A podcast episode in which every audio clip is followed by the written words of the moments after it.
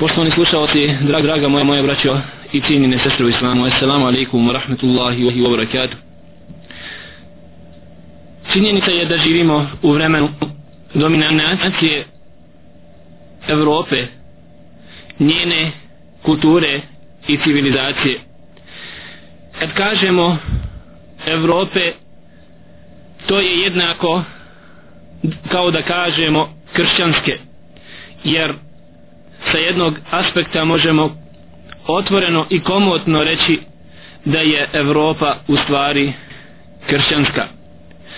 Pa ako znamo da živimo u vremenu dominacije zapada, onda je sasvim logično da možemo zaključiti da onaj koji dominira nastoji nametnuti onome koji je počinjen svoju kulturu, svoju tradiciju, svoju religiju, svoje običaje, poglede na život.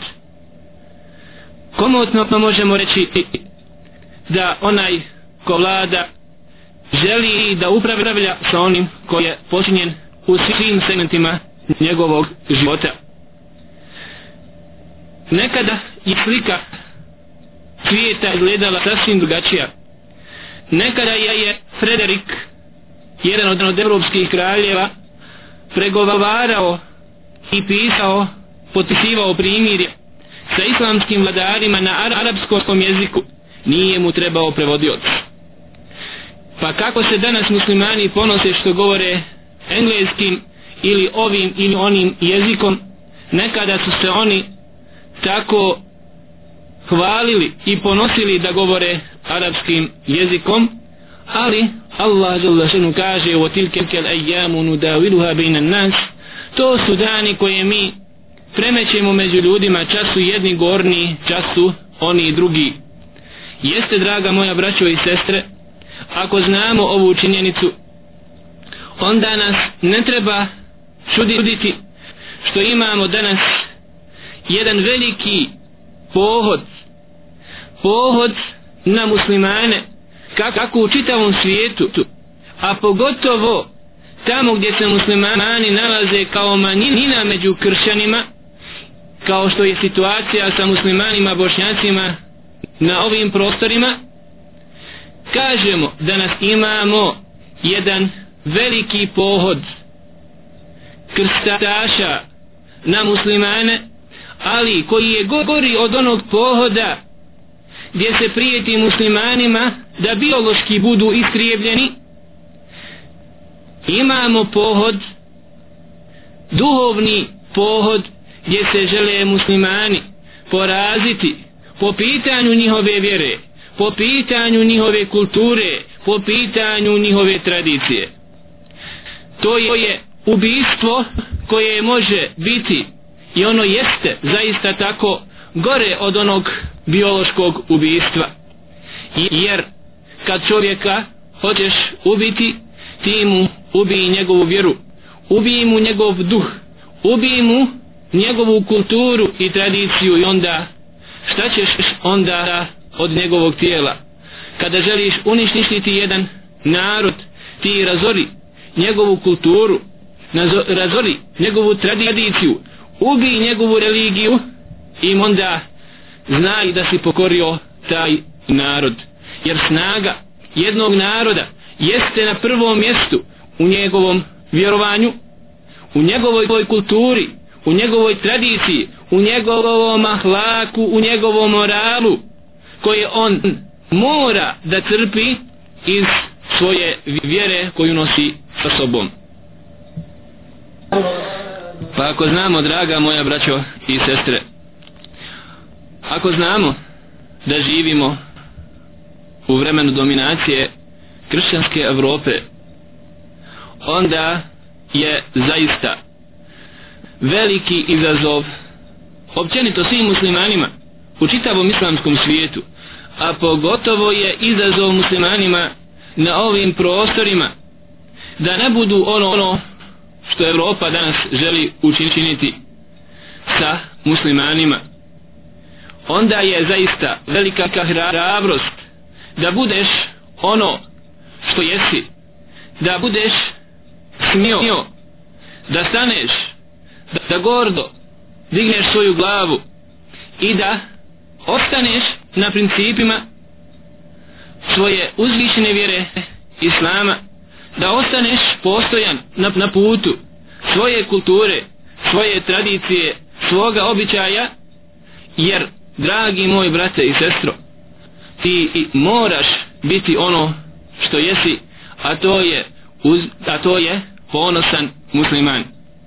Ako to znaš onda preostaje ti da se upoznaš sa Allahom subhanahu wa ta'ala propisima.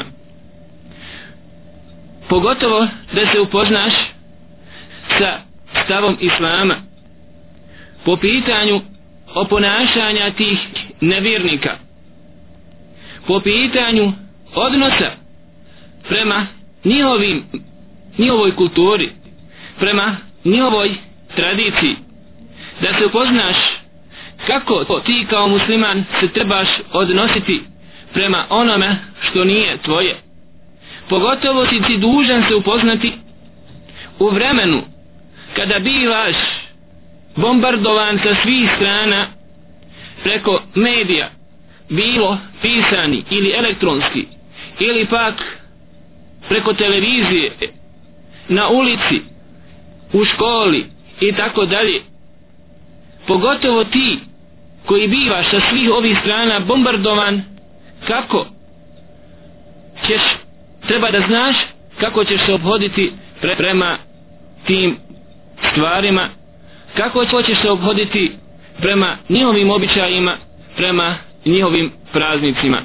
Jer zaista žalosno je da možemo ovih dana vidjeti mnoge muslimane pogotovo djecu našu kako su u naručju djeda mraza. Pogotovo možemo vidjeti muhađire izbjeglice pazite draga moja braćovićo i sestre kako sjede u krilu kršćanskog fratra a i primaju njegove božićne poklone. To je ono draga moja braćo i sestre o čemu mi večeras moramo i imamo odgovornost da progovorimo. Draga moja braćo i sestre mi moramo reći svidjelo se to kome ili ne ali od temelja naše uzvišene vjere Islama od temelja na kome počiva naše vjerovanje uzvišenog Allaha subhanahu wa ta'ala jeste ljubav prema ovoj uzvišenoj vjeri Islamu jeste ljubav prema pripadnicima dini Islama a s druge strane od temelja našeg uzvišenog vjerovanja u Allaha azza wa jel jeste odricanje od kufra odricanje od nevjerstva i mnogoboštva i odricanje od sljedbenika onih koji slijede kufr i širk otuda biva obaveza svakog muslimana i muslimanke da se razlikuju u svakom pogledu u odnosu na one koji su u kufru, u nevjerstvu i širku Allahu subhanahu wa ta'ala. Jeste, dragi moj brate i sestro, treba da znaš da se ti u svakom pogledu moraš razlikovati, razlikovati od nevjernika. Na ovu veoma bitnu i važnu stvar koja spada u osnove naše vjere Islama ukazuje činjenica da ti tokom svoga namaza u toku dana i noći.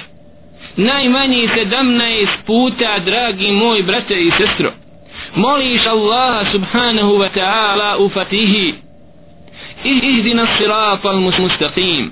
Sirata alladhina an'amta alayhim gajri al-magdubi alayhim wal-dallin moliš uzvišenog Allaha subhanahu wa ta'ala svaki 24 sata. Najmanje 17 puta. Uputi me na pravi put koji je to put? Put Allahovi poslanika put šehida, dobrih ljudi iskrenih Allahovi subhanahu wa ta'ala robova a s druge strane s druge strane tražiš od Allaha subhanahu wa ta'ala da te sačuva puta kojem su išli. Ko? gajrul magdubi gajrul magdubi alaihim oni na koji se ti rasrdio a ko su ti koji na koji se ti rasrdio to su židovi. Pa tražiš utočište dragi moj brate i sestro da, da te Allah sačuva od puta kojim su išli oni koji su bili u zabludi. A ko su ti koji su bili u zabludi? To su kršćani.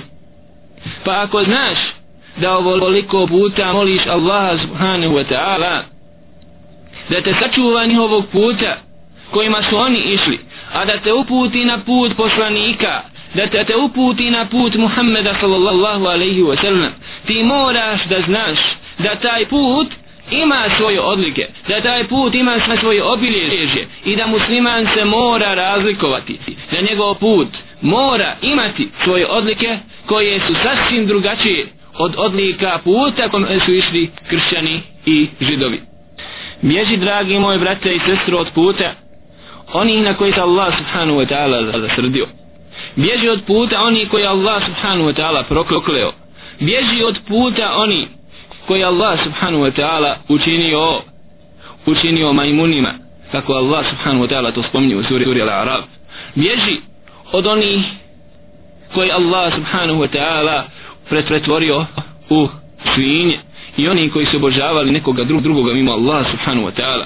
O čemu Allah azza wa jal govori pa kaže kul unabbiukum قل هل أنبئكم بشر من ذلك مثوبة عند الله من لعنه الله وغضب عليه وجعل منهم القلدة والخنازير وعبد الطاغوت hoćete li vas obavijestim o najgorijim stvorenjima o najlošijim stvorenjima koji su kod Allaha subhanahu wa ta'ala na najgorijem stupnju i stepenu koji su to? to su oni koji Allah prokleo.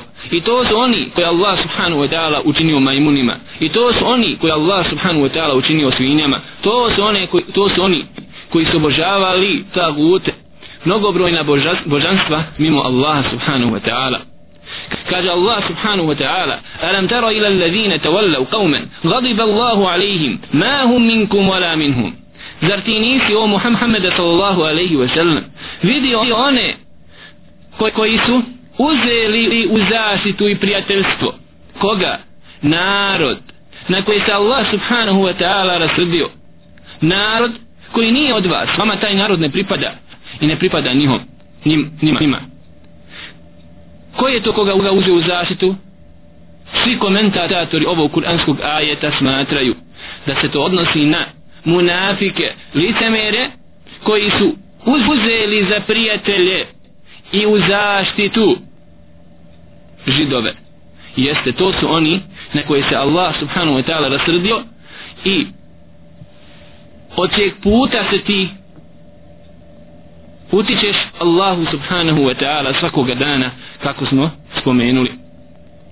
A s druge strane dragi moj brate i sestro bježi od puta oni koji kažu da je Allah subhanahu wa ta'ala jedan od trojice. Bježi od njih jer Allah subhanahu wa ta'ala je jasno proglasio nevjernicima. Laqad kafara alladhina qalu inna Allaha thalithu thalatha. Kaže Allah subhanahu wa ta'ala zaista zasigurno u pretvrđenom značenju su nevjernici oni koji kažu Allah je jedan od trojice.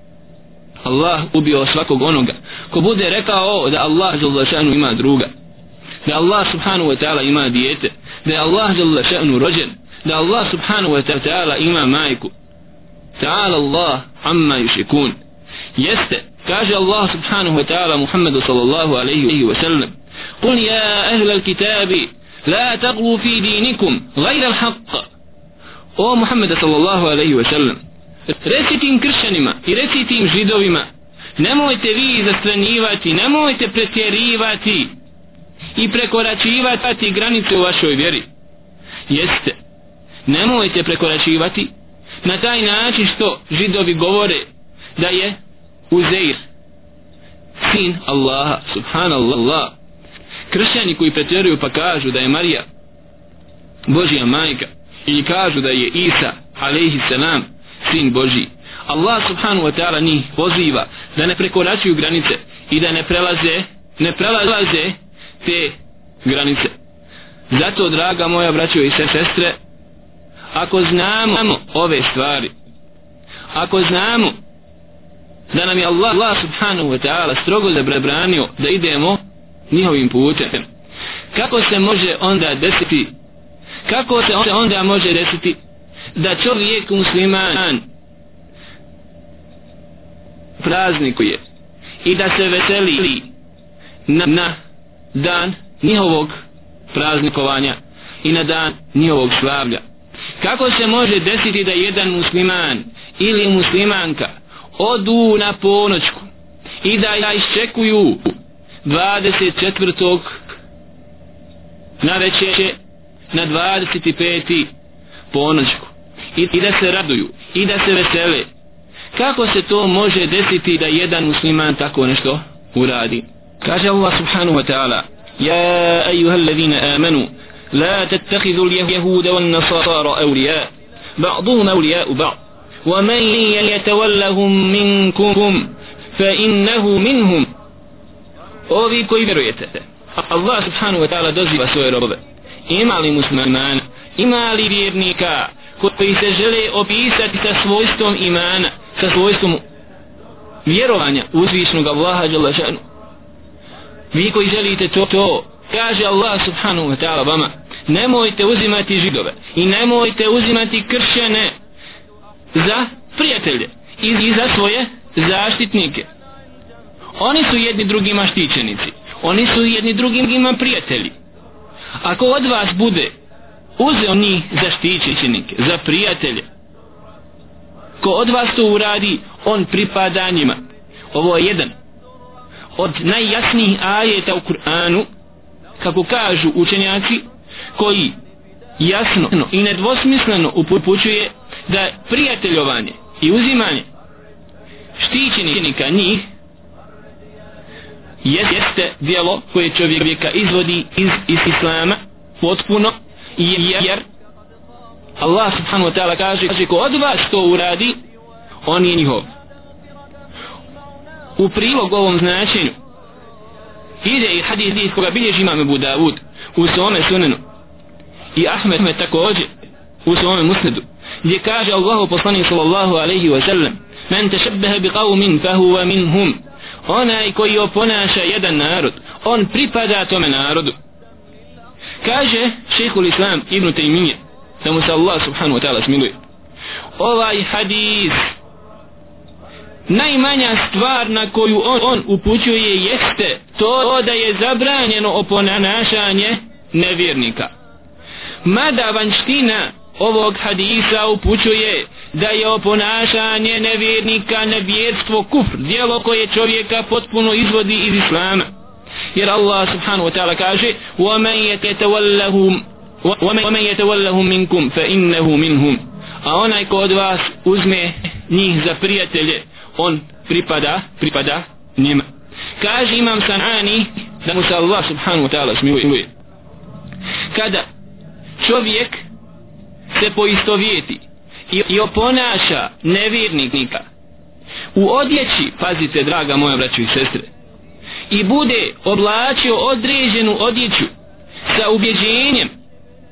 i sa, sa ciljem da liči na nevjernika da vidi određenu odjeću koju nevjernik nosi i želi se poistotovjetiti oblačeći tu odjeću sa tim nevjernikom kaže imam sanani on je isti kao on.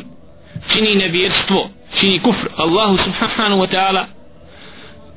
A ako ne bude imao taj cilj nego eto obuče to onako tu postoji razilaženje među islamskim učenjacima da li čovjek izlazi iz vjere ili ili ne izlazi. Pravilo draga moja braćo i sestre nema ni jednog zla u svijetu a da iza njega ne stoje ruke židova. Nema ni jednog belaja pogotovo kada je u pitanju moral a da iza njega ne stoje čifutske ruke. Čak kršćani nisu bili toliko nemoralni i to možete te vidjeti jasno. Nisu bili toliko nemoralni i nisu toliko otišli u razvrat u pokvarenjaštvo.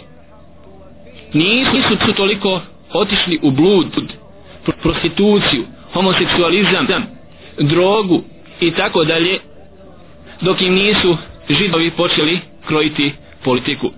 Dok im židovi nisu došli i dok i oni nisu podučili kako se to, to radi.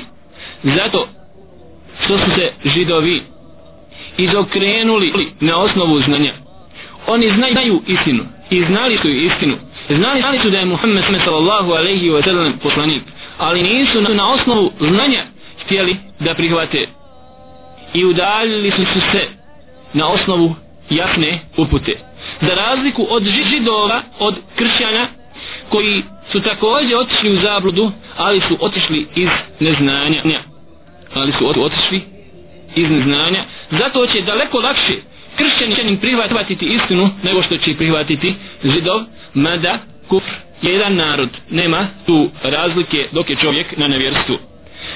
Zato zato Ojejne, Sufjan ibn Ojejne rahmetullahi alej, je znao reći onaj ko se pokvari od naših učenjaka od učenjaka muslimana on ima izgleda i on liči židovima jer, jer na osnovu znanja čovjek se se izokreni, izopači i ode od Allahove subhanahu wa ta'ala vjere.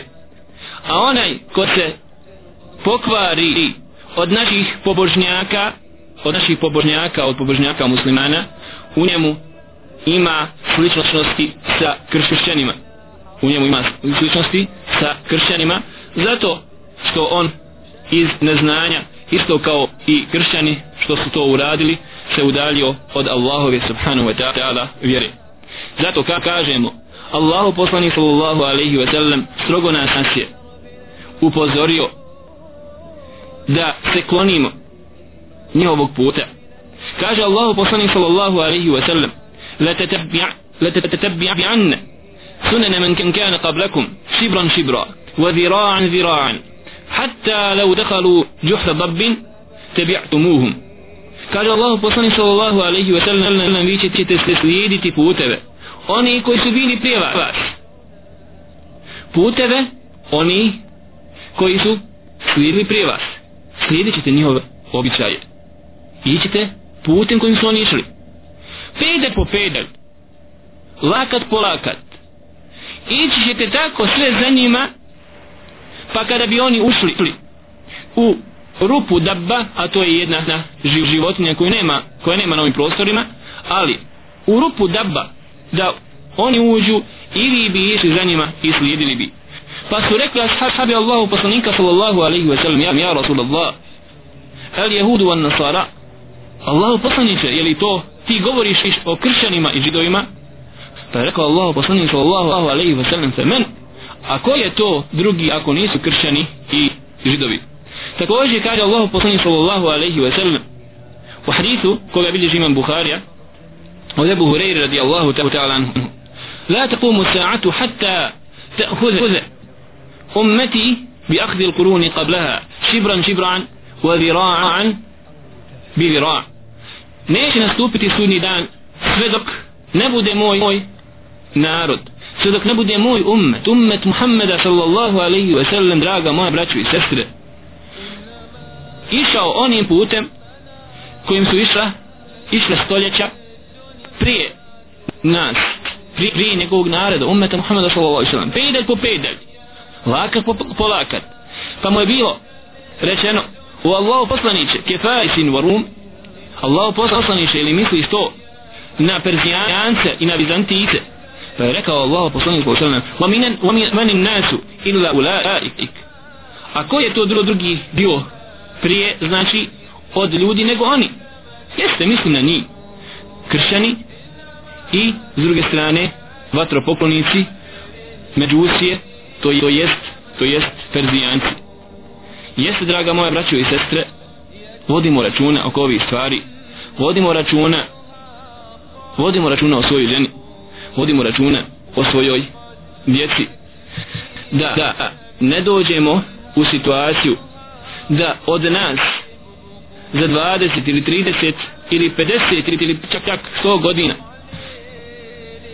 ne bude ništa ostalo osim naših imena kaže uzvišnji Allah subhanahu wa ta'ala والذين لا يشهدون الزور وإذا مروا باللغو مروا كراما kaže Allah subhanahu wa ta'ala u kontekstu pohvale vjernika i spominjući njihove osobine da su vjernici Allahovi subhanahu wa ta'ala robovi, robovi Rahmana oni koji ne, ne prisustvuju zuru a pojasnit ćemo šta je to, je to zur i kada prođu pokraj svirke i pjesme oni prolaze ponosno. Oni prolaze ponosno i odvažno. Kaže Ebu, Ebu Alije zatim Tavuz, Ibn Sirin Bihak, Rabi' ibn Anas i mnogi još drugi komentatori ovog kuranskog ajeta da se ovaj kuranski ajet odnosi na praznike, na praznike mušrika. Da je Allah subhanahu wa ta'ala pohvalio vjernike koji ne, svjedo, ne prisustuju ne prisustuju i ne učestvuju u njihovim svjetkovinama u njihovim praznikovanjima. I kad oni prođu bilo pokraj tih njihovih svjetkovina ili pokraj mjesta gdje se spominje ružno pri, priča ili pije alkohol, svira, pjesma i tako dalje oni prolaze sa dostojanstvom i odvažni su na takav jedan način. Ovaj kur kuranski ajet jasan je. Draga moja braćo i sestre jasan je po pitanju zabranjenosti prisustovanja njihovim svjetkovinama i da musliman ne smije slaviti njihove ove praznike. Kaže Enes ibn Malik radi Allahu ta'ala anhu Došao je Allahu poslanik sallallahu alaihi wa sallam u Medinu kada je učinio hijđu. Hadima Rasulullahi sallallahu alaihi wa sallam al Medinete wa lahum jaumani jel'abune fihima a židovi su i stanovnici Medine stanovnici Medine imali su dva dana u kojima su svjetkovali i veselili se.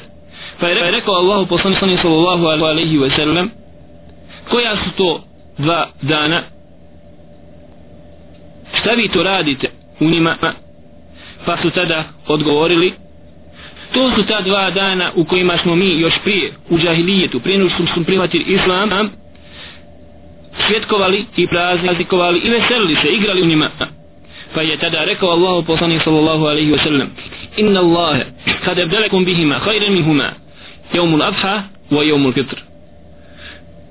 Allah subhanahu wa ta'ala je ta vaša dva dana zamijenio sa, sa boljim danima sa druga dva dana a to je a to je kurban bajram i ramazanski bajram. Jedan je prošao i nalazi se iza nas a drugi upravo veoma brzo treba da dođe. Jeste draga moja braće i sestre Allahu poslani sallallahu alaihi ve sellem je potpuno zamijenio i izbrisao dva džahilijetska njihova praznika koji su imali mušici u Medini prije nego što su prihvatili islam Allahu poslanik sallallahu alaihi ve sellem im je zamijenio i dao dva bajrama kurban bajram i ramazanski bajram. Zato ne može se shvatiti da musliman ima bilo kakva druga dva praznika bilo, kakva pra, bilo kakve praznike mimo ova dva praznika koja smo spomenuli. Omer ibn Khattab radijallahu ta'ala anhu se složio sa ashabima da jedan od uslova bude postavljen onim kršćanima i židovima koji se odluče i pristanu da žive među muslimanima u muslimanskoj državi da jedan od tih uslova bude da oni nemaju pravo javno ispovijedati svoje blagdane. Ne mogu u islamskoj državi javno ispovijedati jeste. To je, to je jedan bio od uslova koji je postavio Omer ibn Khattab radi Allahu ta'ala anhu. Naravno mi ne živimo u islamskoj državi. Jeste. Ali s druge druge strane žalosno je da tamo gdje su muslimani većina žalosno je da se potroši iz državnog budžeta desetine hiljada, desetine hiljada maraka da bi se okitile jelke da bi se osvijetlile ulice sa ovim ili onim natpisima i raznim svjetlićim ukrasima. Da jedna zenica potroši preko 50.000 maraka iz budžeta da bi obilježila novu godinu.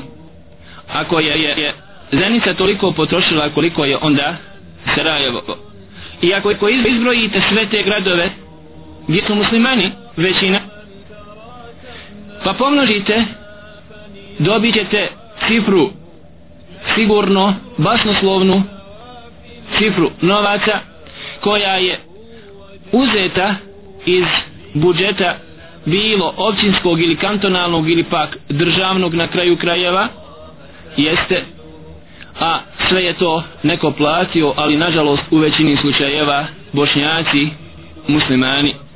Samo se pitamo da li su transparentni transparenti koji su bili postavljani prošlog bajrama i koji će biti treba koji će, će treba, trebati biti postavljeni sljedeći također biti postavljeni na račun države i državnog budžeta ili će to islamska zajednica morat iz svog privatnog budžeta budžeta uraditi. Jeste ako govorimo o kulturi i toleranciji i međusobnom uvažavanju pitamo se da li muslimani u Zagrebu da li muslimani u Sloveniji na kraju krajeva i tih par miliona muslimana koji se nalazi u Francuskoj a kojima je zabranjen hijab i faktički javno ispovjedanje i slobodno ispovjedanje svoje vjere. Da li i tih par miliona muslimana a nezvanično oko 9 do 10 miliona muslimana imate u jednoj francuskoj da li oni imaju pravo da obilježe svoj bajram tako javno? Kao što imaju slobodu kršćani u bilo kojem dijelu islamskog svijeta danas da ispovjedaju svoje praznike i svoje blagdane.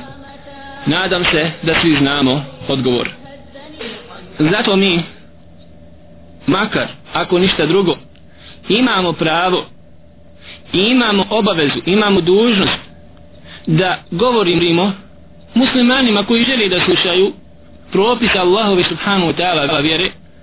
To je ono nešto minimum što, što možemo u ovom trenutku raditi imamo pravo da pojašnjavamo Allahove subhanahu wa ta'ala propise i da kažemo da je Omer ibn Khattab radi Allahu ta'ala anhu rekao nemojte učiti jezike nevjernika i nemojte ulaziti kod mušrika u njihove bogomolje. Nemojte ulaziti kod kršćana i kod židova u njihove crkve za vrijeme njihovog praznika. Za vrijeme njihovog praznika fa inne suhtate tenzilu alejhi. Jer sržba Allaha subhanahu wa ta'ala se tada na njih spušta. Omer Khattab radi Allahu ta'ala anhu je zabranio jer u osnovi je dozvoljeno pod određenim uslovima da musliman uđe u crkvu ili pak sinagogu.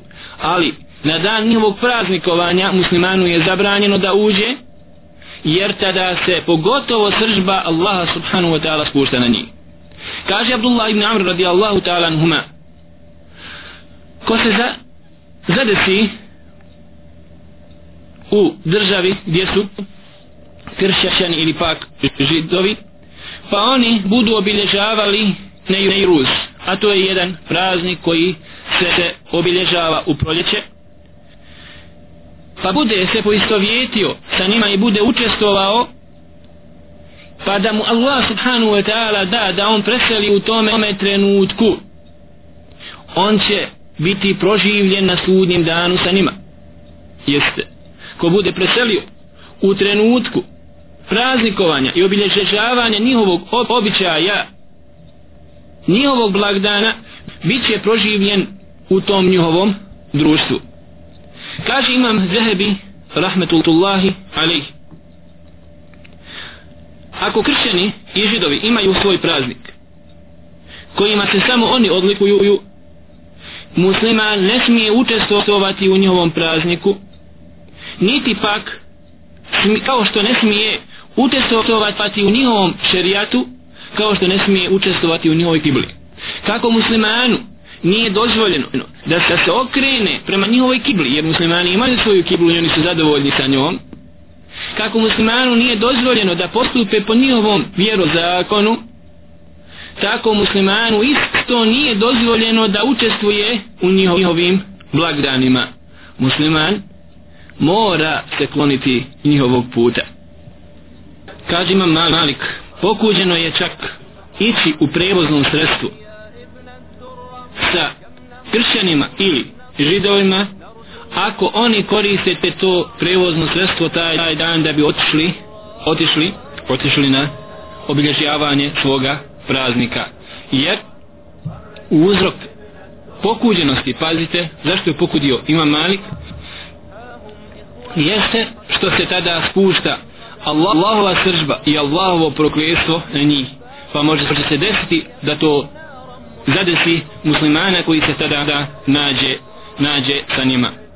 S obzirom da muslimani na ovim prostorima slijedi hanefijski mezheb spomenut ćemo također šta kaže jedan od velikih i priznati autoriteta hanefijskog mezheba koga navodi čije riječi navodi imam Ibn Hajar al-Skalani u Fethul Bari u komentaru Buharinog sahiha gdje kaže Ebu Hafs al-Hanefifi ko bude dao hediju poklonio pa makar ja je mušriku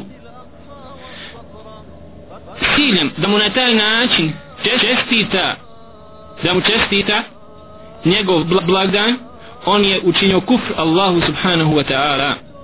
Oto da šekul islam kaže da je Ibn Qasim jedan od učenika imami Malika pokudio pokudio znači da se da kršćaninu bilo šta kao nagrada ili pak kao poklon ciljem veličanja njihovih blagdana i čak zabranio je zabranio je da se proda i meso ili hljeb ili pak odjeća ili jahalica ako zna da će iskoristiti tu stvar tu stvar za taj blagdan također jedan od autoriteta učenjaka Hanefijskog zbog mezheba Ibn Turkmani. A on je bio jedan od velikana imama svoga vremena i šejh jednog velikog također islamskog autoriteta imama Zaina'ija koji je napisao sa nas buraje. Kaže Ibn Turkmani da mu se Allah subhanahu wa ta'ala smiluje musliman je griješan ako bude sjedio sa njima za vrijeme njihovog praznikovanja i bude ih pomagao u njihovom klanju ili pak spremanju hrane ili pak da im iznajmi jahalicu da bi oni koristili tu jahalicu odlazeći na svoje svjetkovine ili pak na svoje obilježavanju svojih praznika. A što se tiče čestitanja što se tiče čestitanja praraznika kao što često možemo to ovih dana vidjeti i čutiti islamski učenjaci su veoma, veoma rigorozni i žestoki po tom pitanju. Sve u cilju, draga moja braćo i sestre govorimo da se zaštiti identitet muslimana da se zaštiti ličnost jednog vjernika jedne vjernice da muslimani moraju da znaju da imaju, imaju svoju kiblu imaju svoj put imaju svoje odlike imaju svoj identitet i da ne smiju se miješati da ne, ne smiju gubiti gubiti svoju vjeru ne, bi, ne smiju gubiti svoja obilježja. Kaže ima Ibn Qajim rahmetullahi alaih u dijelu ahkamu ahli zimme a što se tiče čestitanja nevjernicima njihovih obilježja njihovih svjetkovina koji su njihovi znači haram. To je zabranjeno kod svih islamskih učenjaka. I on kaže ukoliko bi čovjek rekao čestitam ti tvoj praznik taj i taj. Neka ti je bej četli ili tome slično. Nekim rim riječima kaže Ibn Kajim onaj ko to bude rekao ako se bude pak sačuvao nevjerstva znači ne tvrdi da je čovjek izlazi iz vjere ali postoji mogućnost znači ali ako nije izašao iz vjere onda onda nije sigurno se sačuvao harama nije se sigurno sačuvao harama. To, to su riječi Ibn Qajima rahmetullahi alaih u dijelu Ahkamu Ahli Zimme prvi tom 240 i četvrta strana. Na njihovu sofru. Što se tiče odazivanje njihovom pozivu islamski učenjaci također kažu da je to zabranjeno.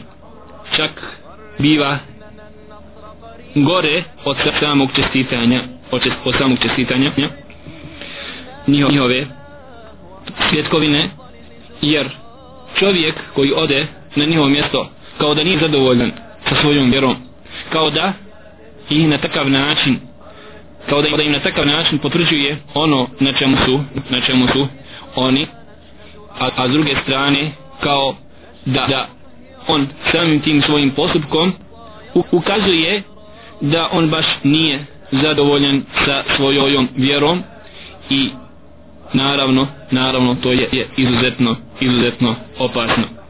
A što se tiče prihvatanje poklona ako ti neko od njih pokloni nešto da li ti je dozvoljeno uzeti? Misli se na poklone koji su specifični povodom blagdana jer mi znamo da što se tiče poklona mimo mimo svjetkovina da to nije toliko sporno ali se pitanje ovdje postavlja za njihovu svjetkovinu za njihov blagdan trebamo znati da pokloni se tada dijele na dvije dvije vrste. Imate prvu vrstu poklona a to je poklon kao recimo neki kolač ili pak voće ili tome slično. Jedan dio ashaba Allahu poslanika sallallahu alaihi wa sallam je dozvoljavao da musliman prihvati njihove poklone ako mu neko nešto da jer kaže na takav jedan način to ne znači da on podržava i da se on slaže sa njihovim svjetkovinama. Taj taj postupak što će prihvatiti neku njihovu hediju znači ne upućuje ne upućuje na takav jedan način da se on slaže da on zadovoljan sa njihovim kufrom i njihovim nevjerstvom i to je inša Allah ispravno mišljenje ispravno mišljenje. I to je inače fetva Aisha radijallahu ta'ala anha. A što se tiče što se tiče mesa pa čak mesa znači koje je u osnovi dozvoljeno da muslimani jedu od njih jer mi znamo da je meso kršćana i židova koje je u osnovi dozvoljeno nama da jedemo kao meso krave ili pak ovce i tako dalje dozvoljeno znači tada ako je, ako je zaklano tim povodom povodom recimo njihovog blagdana njihove svjetkovine to meso to meso nije dozvoljeno nije dozvoljeno jesti niti prihvatati a Allah subhanahu wa ta'ala najbolje bolje zna. Smatramo da imamo obavezu i da imamo pravo govoriti muslimanima propisa Allahove subhanahu wa ta'ala vjere pa ko želi da vjeruje neka, neka vjeruje ako želi da ne vjeruje neka ne vjeruje smatramo da kako muslimane kršćani smatraju nevjernicima jer oni smatraju muslimane da će ući u pakao i da nikada neće izaći iz pakla dok ne budu povjerovali u Isusa za peće dok ne budu povjerovali u Isusa kao Boga. Kako oni nas smatraju ne, ne, nevjernicima? I to govore javno i glasno i otvoreno. Tako isto i mi muslimani imamo pravo da kažemo našim muslimanima propisa Allah subhanu wa ta'ala vjere. Kažemo ako hoće nek vjeruje. Ko hoće neka ne vjeruje. I u tom kontekstu u tom, tom kontekstu ne vidimo nikakve zapreke da progovorimo i po pitanju Rožića i po pitanju nove godine jer to je Islam riješio. Jer hvala Allahu subhanahu wa ta'ala mi nemamo ni jednog jedinog pitanja nejasnog koje nije šerijat riješio da nije riješio Allah i njegov poslanik sallallahu alaihi wasallam i naravno nakon toga učenjaci na tem temelju Kur'ana i sunneta Allahu poslanika sallallahu alaihi wasallam zato je za nas pogotovo za nas muslimane ovdje na ovim prostorima veoma bitno da razumimo Allahove subhanahu wa ta'ala propise pogotovo propise oko ovih stvari oko ovih stvari da nam se ne bi opet desilo da sjelimo nekim da jedemo i da pijemo da mezimo da okrećemo na ražnju ovo ili onu životinju pa da dođe opet kao što je došla ona godina prije 12 godina kada je bilo mnogo muslimana koji su tako bili isto okrenuti okrenuti na ražnju molim uzvišnog Allah subhanahu wa ta'ala da nas uputi na pravi put. Molim uzvišnog Allah subhanahu wa ta'ala da sačuva našu djecu od, od, od jakog pokrštavanja muslimana na, na ovim prostorima. Molim uzvišnog Allah subhanahu wa ta'ala da očuva islam i muslimani na ovim prostorima da se ne desi muslimanima Balkana ono što se desilo muslimanima Španije gdje danas samo mihrabi gdje danas mihrabi bez imama gdje danas minareti bez mujezina i danas nišanteši bez kaburova svjedoče da su tamo nekada da nekada davno živjeli 800 godina muslimani. Jeste draga moja braćo i sestre zato kažem velika je hrabrost velika je smjelost danas da mi muslimani na ovim prostorima ustanimo i kažemo da mi smo muslimani mi imamo svoje propise mi imamo svoju vjeru mi slijedimo Kur'an mi slijedimo sunnet Allahu poslanika sallallahu alaihi wa sallam mi se ne slijedimo onoga što jesmo a neka svako svoje čuva i neka svoju vjeru tumači na svome mjestu i nema po tom pitanju nikakvih nikakvih problema أقول قولي هذا وأستغفر الله لي ولكم ولسائر المؤمنين فاستغفروه إنه هو الغفور الرحيم